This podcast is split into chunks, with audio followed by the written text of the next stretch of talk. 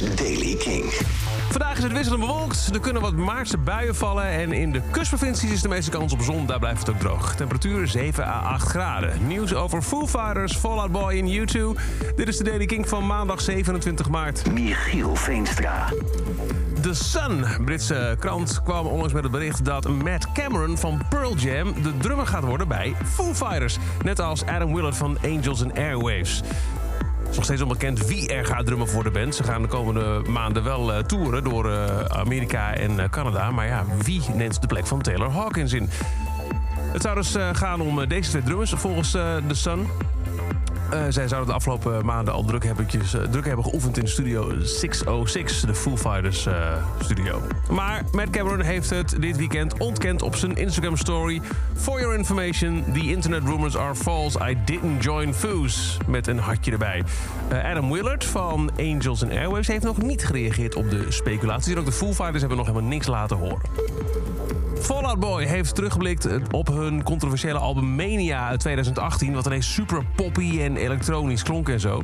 Ze zeggen nu, bij het verschijnen van het nieuwe album So Much for Starters... waar wel weer gitaren op de horen zijn...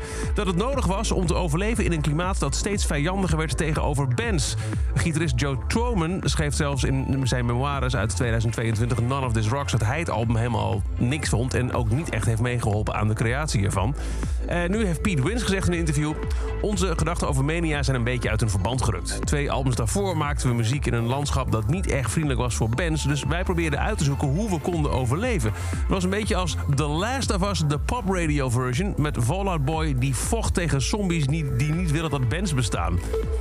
En als het dan toch gaat over hoe levendig is de gitaar nog... Uh, The Edge van U2 weet het zeker, die gitaar komt helemaal terug... en hij wil aan kop lopen van die gitaar-revival. De 61-jarige gitarist zegt dat hij geweldig veel materiaal op de plank heeft liggen... en hij hoopt dat het volgende album inderdaad ook daarmee wordt samengesteld. Een luidruchtig, compromisloos gitaaralbum... De lockdown was een creatieve periode voor me, vertelt The Edge in een interview. Gewoon muziek componeren. En ik wil ons niet jinxen, maar er ligt echt heel veel geweldig materiaal klaar. Ik denk dat de gitaar terugkomt. Ik voel het en ik wil daar deel van uitmaken. Ik wil aan de kop lopen van die hergeboorte. Veel nieuwe bands die goed gitaar gebruiken, klinken nog steeds fris. En als ik praat met mensen die in de Fender gitaarwinkels werken... zeggen ze dat ze nog nooit zoveel uh, veel gitaren verkochten als ooit. In de popcultuur is er een verschuiving weg geweest van een uh, gitaar. Dat kun je wel duidelijk wel zeggen, maar het komt terug. En als je nu een gitaar gebruikt, hoeft het niet per se te voelen... alsof je het allemaal al eens eerder hebt gehoord.